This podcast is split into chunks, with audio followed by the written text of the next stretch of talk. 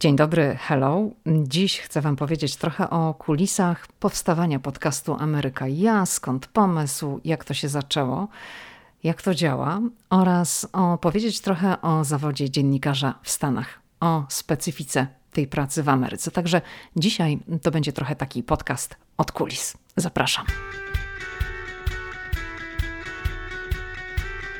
Hej, tu Lidia Krawczuk, dziewczyna ze Szczecina, która wylądowała w Waszyngtonie. Ameryka mnie fascynuje, żyję w niej od ponad dekady i cały czas ją odkrywam. Podróż do Stanów Zjednoczonych była zawsze moim marzeniem. Nie sądziłam jednak, że w Ameryce kiedyś zamieszkam.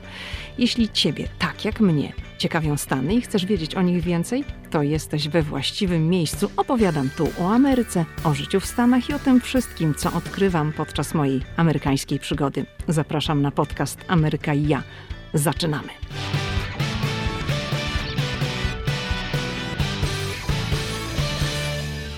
Niedawno w Apple Podcast, bo tam można dodawać recenzje, pojawiła się recenzja podcastu Ameryka i ja autorstwa Adama z Wrocławia. Adam napisał bardzo wiele miłych słów na temat mojego podcastu, za które jestem bardzo, bardzo wdzięczna. Przyznał podcastowi pięć gwiazdek. No nie będę ukrywała, że, że bardzo miło mi było to wszystko czytać. I ta recenzja kończy się takim zdaniem. Pani Lidio, nie wiem czy pani to przeczyta, bardzo, naprawdę bardzo dziękuję. Otóż, ja już to mówiłam, ale powiem jeszcze raz. Ja czytam wszystkie recenzje i gdyby, gdyby była taka możliwość, to bym na te recenzje odpowiadała. Natomiast y, ta cała platforma jest tak skonstruowana, iż słuchacze mogą pisać recenzje, natomiast autorzy podcastów nie mają możliwości, żeby odpowiedzieć, żeby to skomentować. Ja mogę odnieść się jedynie do tego, co tam jest napisane w podcaście, no i właśnie w tej chwili to robię. Także na przykład, jeżeli ktoś napisze do mnie na Instagramie, bo podkreślam to cały czas, że tam jestem aktywna, no to wtedy jest możliwość odpowiedzi. Natomiast Apple Podcast nie ma, ale, ale te recenzje są dla mnie bardzo ważne, ponieważ dzięki recenzjom w Apple Podcast inne osoby mogą dowiedzieć się na podstawie doświadczeń obecnych słuchaczy, czy warto podcastu Ameryka i ja zacząć słuchać. A jak dochodzą kolejni słuchacze, no to wiadomo, że podcast się rozwija. Zatem dziś chcę Wam powiedzieć o tym, skąd to się wszystko wzięło, jak to się zaczęło, dlaczego ja w ogóle zaczęłam nagrywać podcast. Sam podcast chodził mi po głowie już od bardzo dawna. Ja zaczęłam go nagrywać w połowie 2019 roku, ale myślałam o tym już wiele miesięcy wcześniej. Dlaczego nie zaczęłam wcześniej? Ano dlatego, że gdzieś tam przerażała mnie, może też zniechęcała cała kwestia techniczna. Nie przerażało mnie nagranie podcastu, wyedytowanie go, czyli w takim żargonie radiowym, zmontowanie podcastu, sam pomysł, o czym mówić i tak dalej. To, to nie był dla mnie problem. Problem to była nowa platforma, tak? Czyli no, żeby gdzieś ten podcast umieścić i żeby docierać z podcastem do słuchaczy. I pamiętam, jak zaczynałam pisać bloga Ameryka i ja, no to musiałam się nauczyć mm, tej całej strony technicznej i jak sobie pomyślałam, że mam się uczyć nowej platformy i tego wszystkiego, to o matko, to mnie zniechęcało. I to mnie blokowało przed rozpoczęciem nagrywania podcastu. No i któregoś dnia mój szef, Paweł Pawlik, który jest dyrektorem programowym Radia RMF Classic, bo mnie można usłyszeć w Radiu RMF Classic, któregoś dnia się ze mną skontaktował i zapytał, czy nie chciałabym nagrywać podcastu, dlatego że no, Radio RMF Classic zamierzało mm, wejść na ten rynek podcastowy i również przygotowywać podcasty. No i ja natychmiast powiedziałam, że tak, ja mogę w to wejść, że nie ma problemu. Aha, jeszcze jak Paweł do mnie mm, zadzwonił i, i o tym mi powiedział, to użył takiego sformułowania: No przecież twój blog, miał na myśli mm, mojego bloga Ameryka i ja, to jest gotowy materiał na podcast. No i ja powiedziałam tak, mówi, no to słuchaj, nagraj taki odcinek demo, zobaczymy, co tam zrobisz. Ja mówię, no dobrze, no, nagrałam, mm, no szybko mi poszło, nagrałam ten odcinek. No i umówiliśmy się, że zaczynamy. Więc dzięki temu miałam z głowy te wszystkie kwestie techniczne, dlatego że autorem podcastu jestem od A do Z. Ja, czyli wymyślam tematy, realizuję te tematy. Odpowiadam też za kwestie techniczne, montaż i tak dalej, ale ja nie umieszczam mm, sama podcastu na różnych platformach, tam gdzie on trafia potem, gdzie możecie go potem słuchać w aplikacjach. Ja już za tym nie stoję. Ja ten podcast wysyłam do Jowity. Jowita mm, pracuje w Krakowie, w Radiu RMF Classic i już Jowita się tym zajmuje. No i dzięki temu odpadła mi ta techniczna warstwa umieszczania podcastu. Nie musiałam się uczyć tej całej nowej dla mnie sfery. No i nagrałam to, mm, to demo, umówiliśmy się wstępnie na zrobienie ośmiu odcinków, no i było tak, no zobaczymy, co tam będzie dalej. No ja zrobiłam osiem odcinków, była tam mała pauza za dwa tygodnie, no i było zielone światło, że startujemy z tym projektem, robimy ten podcast. Znaczy, że ja mam go robić, że tak, że on jest ok. No i zaczęłam nagrywać podcast. Czyli pierwsze odcinki gdzieś, one się chyba na wakacje ukazały 2019 roku, ale już tak regularnie, no to od września 2019. Nie było to dla mnie jakieś tam trudne i skomplikowane, no bo mm, ja pracuję w radiu, ja mam dwudziestoletnie doświadczenie przed mikrofonem. Radio to jest całe moje zawodowe życie, także nie obawiałam się mówienia do mikrofonu, bo, bo to jest dla mnie codzienność.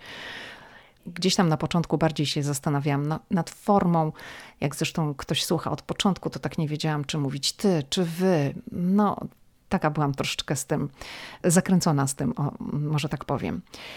No ale myślę, że coś tam sobie wy, wy, wypracowałam, jakąś formułę. Wiedziałam od początku, w jaki sposób ja nie chcę brzmieć w tym podcaście. Porozmawiałam również z różnymi osobami w Polsce na temat tego rynku podcastowego w Polsce, który jednak jest zupełnie innym rynkiem niż tutaj w Stanach Zjednoczonych, bo podcasty w Stanach rozwijają się przecież od wielu lat i one są szalenie popularne. Podcast również w Polsce robi się coraz bardziej popularny, ale to jeszcze nie jest ta sama skala, która jest tutaj w Stanach Zjednoczonych.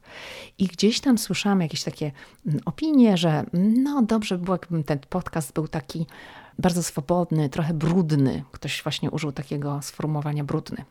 I ja wiedziałam, że ja nie chcę, żeby mój podcast był brudny. W tym sensie, że chciałam, żeby był dobrze zmontowany, żeby był dobrej mm, jakości technicznej i chciałam też, nie chciałam wam fundować takiego niechlujstwa. To znaczy, no chciałam wykorzystać to, że ja mam doświadczenie radiowe i praca przed mikrofonem jest czymś, czego uczyłam się wiele lat.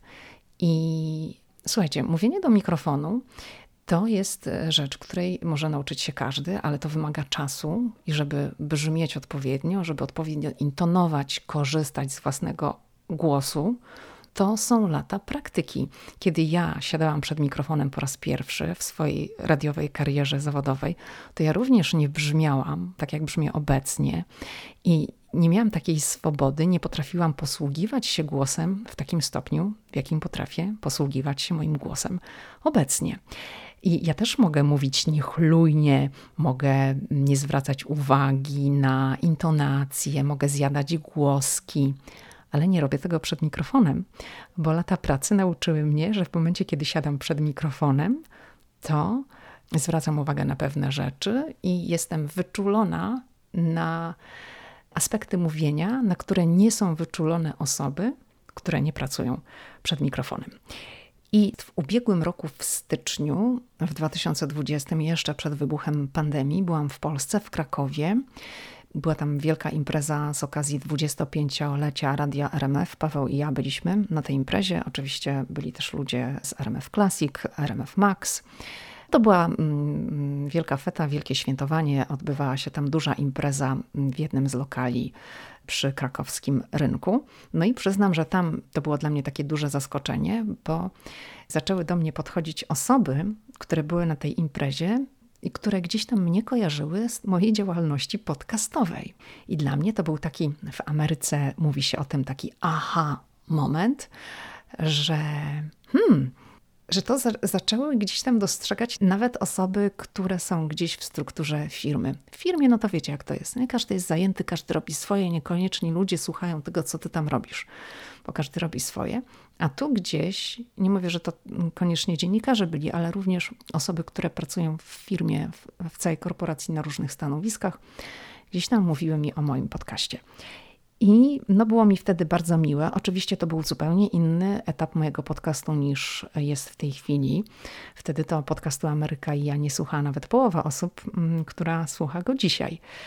Bo w marcu myślę, że podcast e, Ameryka i ja przekroczy liczbę 100 tysięcy odsłuchań w ciągu miesiąca. W lutym to już były ponad 92 tysiące, także no wtedy to był inny etap, ale gdzieś tam mm, czułam, że no jest szansa, żeby podcast mógł się rozwijać. I się rozwija, z czego bardzo się cieszę. Powiedziałam Wam na początku, że opowiem Wam trochę o dziennikarstwie w Stanach i to, co dla mnie było odkryciem tutaj, to to, że tu jest bardzo dużo dziennikarzy po dziennikarstwie, po studiach wyższych. Po dziennikarstwie. Mm, nie wiem, czy mogę powiedzieć, że większość dziennikarzy jest po dziennikarstwie, ale to jest jednak bardzo tutaj typowe. I w Polsce moje doświadczenia są zupełnie, zupełnie odwrotne. Jak ja zaczynałam moją przygodę z radiem, a to była końcówka lat 90., czyli jestem w zawodzie już 20 lat, nikt nie był po dziennikarstwie i tak naprawdę jak próbuję sobie przypomnieć, to nikt z moich znajomych dziennikarzy w Polsce, w różnych redakcjach, czy to lokalnych, czy gdzieś tam ogólnopolskich, z tych osób, które ja znam, to nikt w ogóle nie jest po dziennikarstwie. Ja jestem po socjologii, jestem magistrem socjologii, no ale jako socjolog nie przepracowałam nawet ani jednego dnia. No tak na marginesie to na studiach, mm, w czasie studiów pracowałam w różnych miejscach. Pracowałam w sklepie meblowym, pracowałam w sklepie, w którym sprzedawało się taki korek na ścianę. Nie wiem, tam ktoś może jak jest z mojego pokolenia, to pamięta, że kiedyś tam korkiem sobie wszyscy wszystko wykładali. Była taka moda. Nikt tam nie przychodził wtedy do tego sklepu. Pracowałam w sklepie z ubraniami, no ale to było totalnie nie dla mnie. Było tak nudno, że nie wyrabiałam tam i no, zostawiłam tę pracę. Miałam również epizod w hurtowni z winami, a do radia trafiłam przez przypadek i do radia trafiłam właśnie z tego sklepu meblowego, o którym mówiłam na początku. No to się zdarzyło tak, że tam przyszedł kiedyś taki człowiek, który pracował w lokalnym radiu w Szczecinie do radia, bo przygotowywał e, dla właściciela tego sklepu meblowego reklamę radiową, która miała być emitowana na falach tego radia i przyszedł tam coś ustalić. No i podszedł do mnie i pyta się, gdzie tam można szefa znaleźć. No i tak zaczęliśmy jakoś tam rozmawiać. On powiedział, że on jest z radia, jakoś tam się tym zainteresowałam. Od słowa do słowa. I on mówi do mnie tak, a ty byłaś kiedyś w radiu? I on mówi, że no nie, nigdy nie byłam. On mówi, a chciałabyś zobaczyć? Mówi, no jasne, pewnie, żebym chciała. On mówi, no to tam przyjdź. I powiedział mi kiedy i gdzieś tam. To była wtedy lokalna rozgłośnia w Szczecinie. I ja mówię, no dobra, no to ja przyjdę. No i ja przyszłam i on mi rzeczywiście, słuchajcie, pokazał to radio. I ja byłam w szoku. Bo teraz, no to w tej chwili możesz sobie wygooglać wszystko. Możesz sobie wrzucić tam w Instagram, na YouTube, gdzie tam chcesz i zobaczysz wszystko, co chcesz. Ale to były inne czasy, końcówka lat 90., tak? To tak nie było, że sobie gdzieś tam na YouTube'a zaglądasz i oglądasz wszystko, tak? To znaczy, były komputery, ale mm, nie posługiwano się jeszcze wtedy na tamtym etapie Googlem, tak. Także to, to, były inne, to były inne czasy. No i ten właśnie człowiek z radia, którego poznałam, on prowadził taki program wówczas w radiu i nagle on ni z gruszki, ni z pietruszki mm, mówi tak – a chcesz trochę tak tutaj może poznać e, radio, pracę w radiu i tak dalej? Tak chyba szukał trochę takiego naiwnego dzisiaj sobie myślę. Ja mówię, no tak. On mówi ja tu prowadzę taki program, zawsze w sobotę o 9 rano. I ten program polega na tym, że słuchacze dzwonią i odpowiadają na trudne pytania. I mówi tak, to przygotuj mi 30 pytań i przyjdziesz i zrobimy konkurs dla słuchaczy. A ja mówię, no dobra, no to mogę to zrobić. I pojechałam do domu. No i właśnie teraz to wiecie, w Google można było wbić jakieś tam super trudne pytania. A wtedy to ja na półeczkę, encyklopedia PWN i robiłam tak, nie wiem, taką grubą księgę cegłę miałam. No i losowo otwierałam na jakiejś stronie jakieś hasło. Ja na podstawie tego hasła pisałam pytanie. On mówi, mają być różne, mają być łatwe, średnie i trudne, to żeby tam pomieszać to ja przygotowałam te 30 pytań na podstawie encyklopedii PWN i pojechałam do radia. Usiedliśmy razem i on mówi tak, a chcesz przeczytać na antenie jakieś pytanie? A ja mówię, dobra, to mogę przeczytać. No i zaczęłam z nim, słuchajcie, regularnie w te soboty przyjeżdżać co tydzień do tego programu. Przygotowywałam zestaw 30 pytań na ten konkurs i zadawaliśmy wspólnie pytania. Tam po którymś programie, no to wiadomo, czułam się pewniej, bo na początku to mogłam jedynie odczytać z kartki to pytanie i w ogóle nic swobodnie nie mogłam powiedzieć, bo no jednak wiecie, trema, jakiś tam paraliż. Trochę się może bałam, a potem z każdym programem już byłam bardziej odważna i wchodziliśmy sobie w jakieś dyskusje. I któregoś razu właśnie ten człowiek, który mnie wtedy tam, z którym zaczęłam robić ten konkurs, powiedział, że oni tutaj poszukują w radiu. Mówi, a ty chcesz w tym sklepie meblowym tam dalej pracować? Ja mówię, że nie, no ale nie mam innej pracy. No to on wiedział, że ja studiuję, to, to sobie tam pracuję. Bo sobie tak dorabiałam w czasie studiów. A on mówi, a tu szukają dziewczyny w biurze reklamy. Może ty chcesz w biurze reklamy?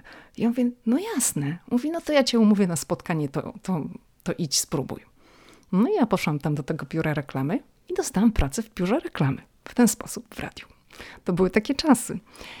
I oni już w tym biurze już mi kojarzyli ten mój głos z tych konkursów. A to były jeszcze takie czasy, że w radiu, bo teraz no to wiadomo, są te reklamy, wszystkie się nagrywa i tak dalej, a w radiu lokalnym, to oprócz takich reklamówek, które są gotowe, to latały jeszcze wtedy tak zwane komunikaty reklamowe, które były czytane na żywo.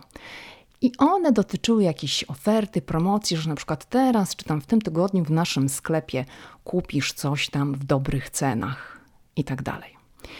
I to często czytali na żywo prowadzący programy, ale żeby był jakiś element urozmaicenia, to ktoś wpadł na pomysł, że w tym czasie, jak ja jestem w biurze reklamy, to ja mogę czytać te komunikaty reklamowe, bo nawet tam stwierdzili, że ja mam niezły głos. No i zaczęłam czytać na żywo te komunikaty reklamowe w radiu. I jak się zbliżała określona godzina, no bo to w radiu wszystko jest regulowane, ile może być reklam w godzinie, była taka zrobiona rozpiska i ten realizator mnie wołał, ej chodź, bo teraz już trzeba czytać komunikaty reklamowe. Ja wiedziałam, miałam tą rozpiskę, wiedziałam, które komunikaty trzeba przeczytać. To brałam Mieliśmy taki segregator w koszulce foliowej, były powkładane tam osobne komunikaty. One były zawsze napisane taką dużą czcionką, żeby było łatwo je czytać i żeby się nie wysypać na jakichś wyrazach, bo to są też takie techniki, jak na przykład jest wyraz jakiś trudniejszy, to człowiek sobie ten wyraz dzieli, podkreśla. One były właśnie pisane taką większą czcionką, żeby się nie wywalić na na jakimś tam wyrazie. No i on mnie wołał, ja wchodziłam do studia, przeczytałam ten komunikat 1, 2 czy 3, ile ich tam było do przeczytania i wracałam do biura reklamy i robiłam swoją robotę. No i takie były te moje początki w radiu, ale gdzieś tam czułam, że ja chcę być po tej drugiej stronie. Nie chcę pracować w biurze reklamy, tylko ja chcę pracować na antenie, że to mnie bardziej kręci, że chcę tam. Poszłam na rozmowę do lokalnego radia, do polskiego radia w Szczecinie i tam zostałam przyjęta. Także tak, takie były te moje początki radiowe. O tym, jak trafiłam do Stanów, to ja dzisiaj nie będę opowiadać, bo odsyłam Was do podcastu numer 9. Tam jest moja rozmowa z Pawłem, z moim mężem. Tytuł tego podcastu to jest Pierwszy raz w Ameryce, i tam się dowiecie, skąd my się tutaj wzięliśmy.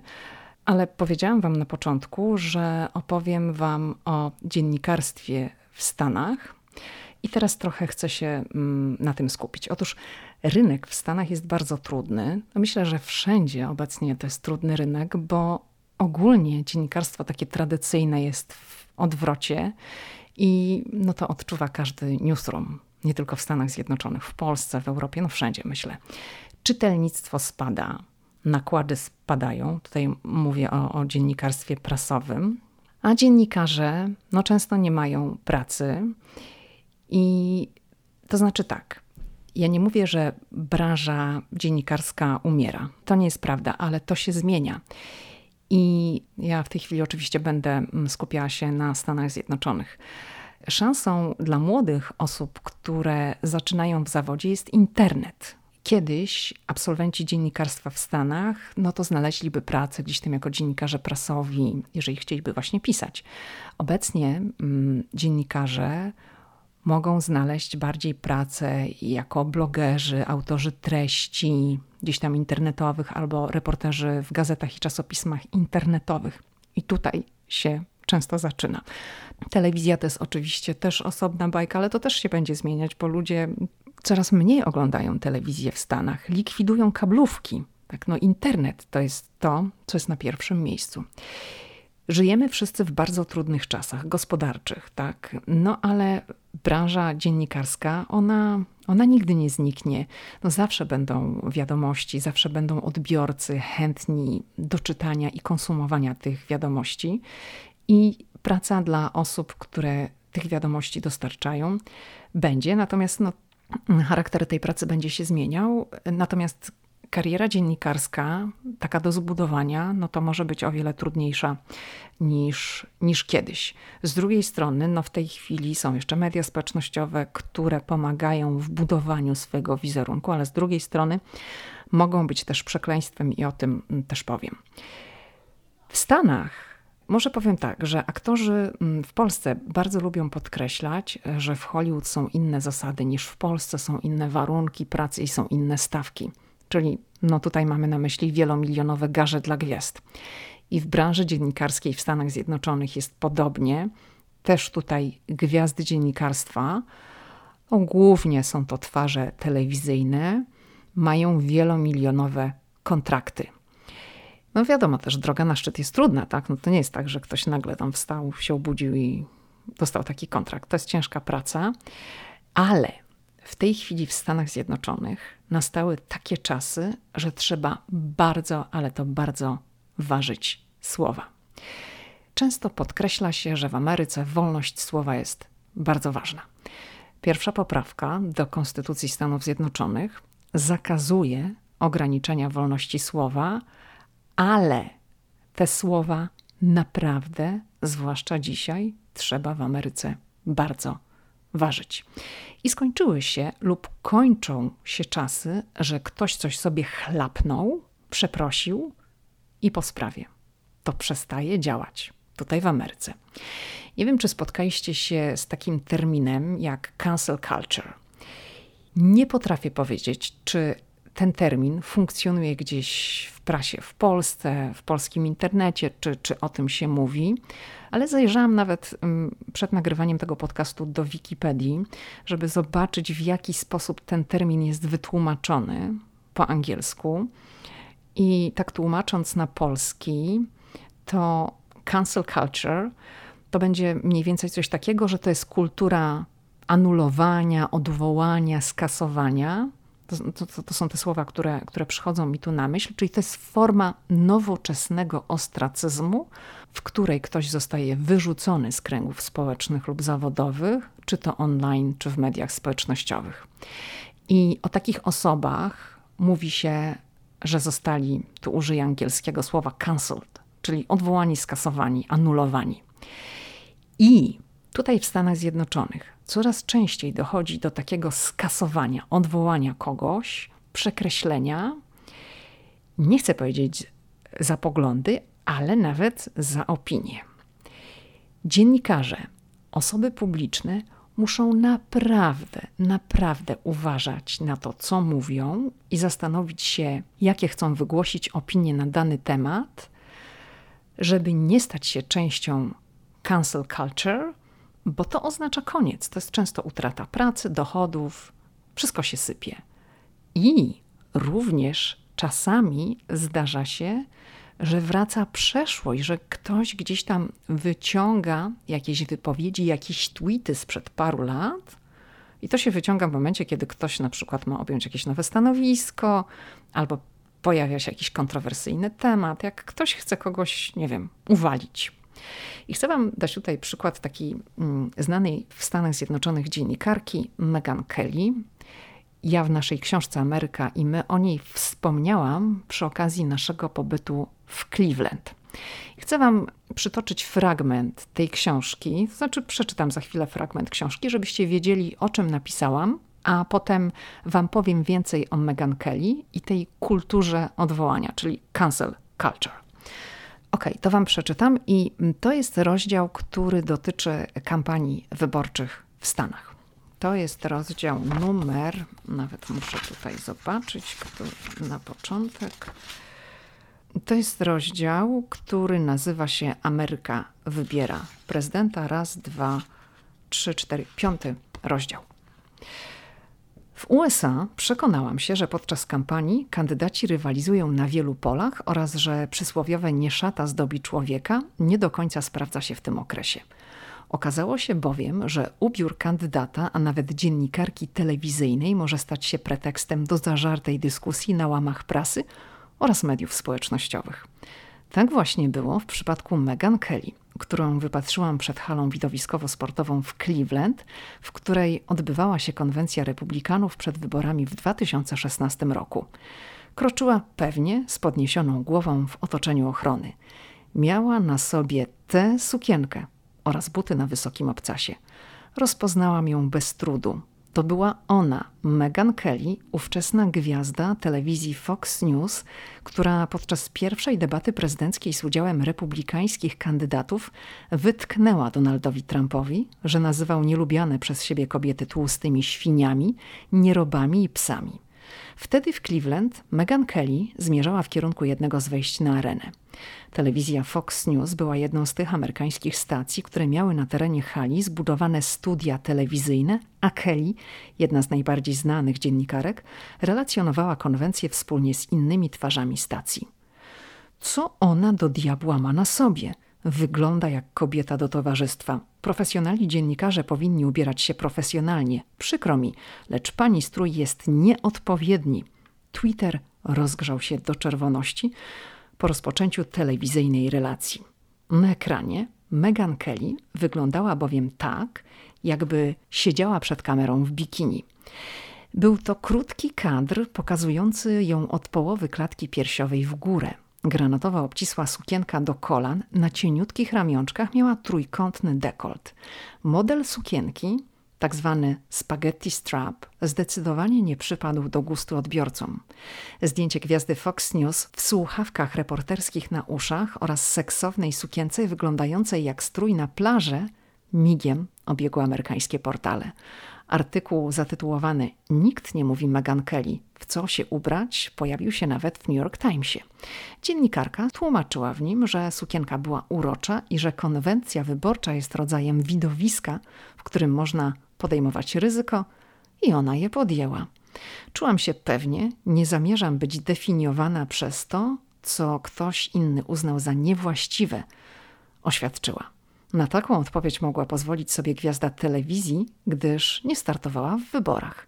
Sami kandydaci, a potem już prezydenci muszą podchodzić do tematu z większą rozwagą. I to jest to, co napisałam mm, na temat Meghan Kelly w książce. I Meghan Kelly nie ma już w telewizji. I zaraz powiem, co się wydarzyło.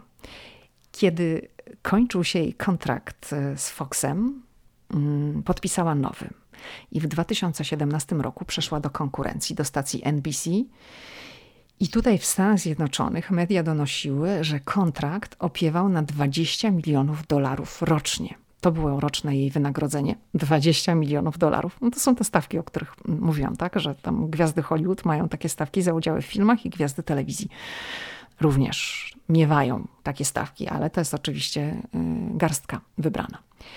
No i Meghan Kelly przepracowała w NBC rok. Jej kariera zakończyła się z hukiem, bo w programie, który współprowadziła, to była dyskusja na żywo w studiu, podjęła temat blackface i whiteface. Tak na marginesie, to być może pamiętacie, jak w sieci pojawiły się zdjęcia z młodości podkreślam, to były zdjęcia z młodości premiera Kanady Justina Trudeau, gdzie jego twarz, ramiona i ręce były pomalowane na czarno. To były zdjęcia z imprezy szkolnej. One wypłynęły w czasie, gdy premier Kanady walczył o reelekcję. Premier Kanady przepraszał, bo to dziś są zachowania rasistowskie i w Kanadzie przeprosiny wystarczyły. Wracamy do Meghan Kelly. Ona podczas dyskusji na żywo w studiu powiedziała, bo to była dyskusja nawiązująca do blackface, powiedziała, że jak ona była dzieckiem i że jak ktoś przebrał się z okazji Halloween, bo ta dyskusja toczyła się przed Halloween, że jak ktoś się przebrał za jakąś konkretną postać i miał pomalowaną twarz na czarno, to było wtedy ok. I ta wypowiedź bardzo jej wtedy zaszkodziła, no to odbiło się bardzo szerokim echem tutaj w Stanach Zjednoczonych, w mediach, w internecie. Wiele osób poczuło się urażonych tą wypowiedzią, że to było ok. No i ona dość szybko przeprosiła za tę wypowiedź, tłumacząc, że nigdy nie była osobą poprawną politycznie, ale że rozumie, że dziś, we współczesnych czasach, należy być bardziej wrażliwym i czułym, zwłaszcza jeśli chodzi o kwestie rasowe i etniczne. Ale to nie wystarczyło. Meghan Kelly straciła z tego powodu pracę. I dziś nie ma jej w żadnej telewizji, dziś nie prowadzi żadnego programu, prowadzi kanał na YouTube, ma swój podcast, ale ona, mówiąc takim żargonem, ona jest zwierzęciem telewizyjnym. I słuchacze jej podcastu wyrażają taką opinię, że żałują, że nie ma jej w telewizji, ale jej nie ma, bo za swoją opinię zapłaciła wysoką cenę. Telewizja NBC się jej pozbyła. Oczywiście to troszeczkę trwało, bo oficjalnie odeszła kilka miesięcy później, lecz od momentu emisji tego programu i wygłoszenia swojej opinii, tego komentarza, wzięcia udziału w dyskusji, bo to była dyskusja w studiu na ten temat z udziałem kilku osób.